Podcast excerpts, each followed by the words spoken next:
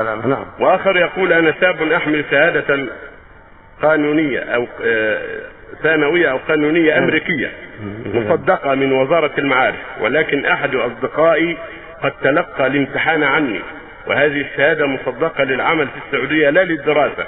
ما الحكم في الراتب الذي أستلمه من العمل؟ هل هذا الراتب. إيه يعني شاب أنا شاب أحمل شهادة قانونية أو ثانوية. أمريكية مصدقة من وزارة المعارف. ولكن أحد أصدقائي قد تلقى الامتحان عني.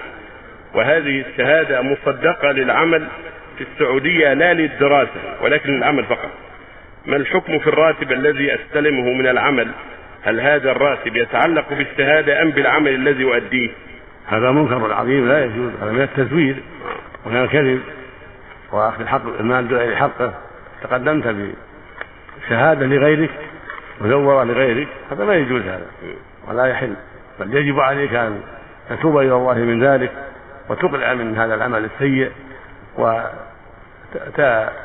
وتتوسل إلى الوظيفة بأشياء أخرى واقعية منك إنك عملت كذا وعملت كذا في كذا وكذا وانك ناجح في عملك حتى تأخذ شهادة من أعطاك ممن عرف عملك ونصحك واجتهادك في الأعمال. أما هذه الشهادة المزورة فلا تقدمها. لا تقدمها للناس. وعليك التوبة مما سلف. عليك التوبة إلى الله مما سلف. إذا كنت قد عملت العمل مسند اليك وأديت حقه ولم تكن فيه بل أديت حقه ونجحت فيه لك مالك لك ما أعطيت على عملك. ولكن عليك التوبة مما قدمت من التزوير عليك التوبة إلى الله من ذلك.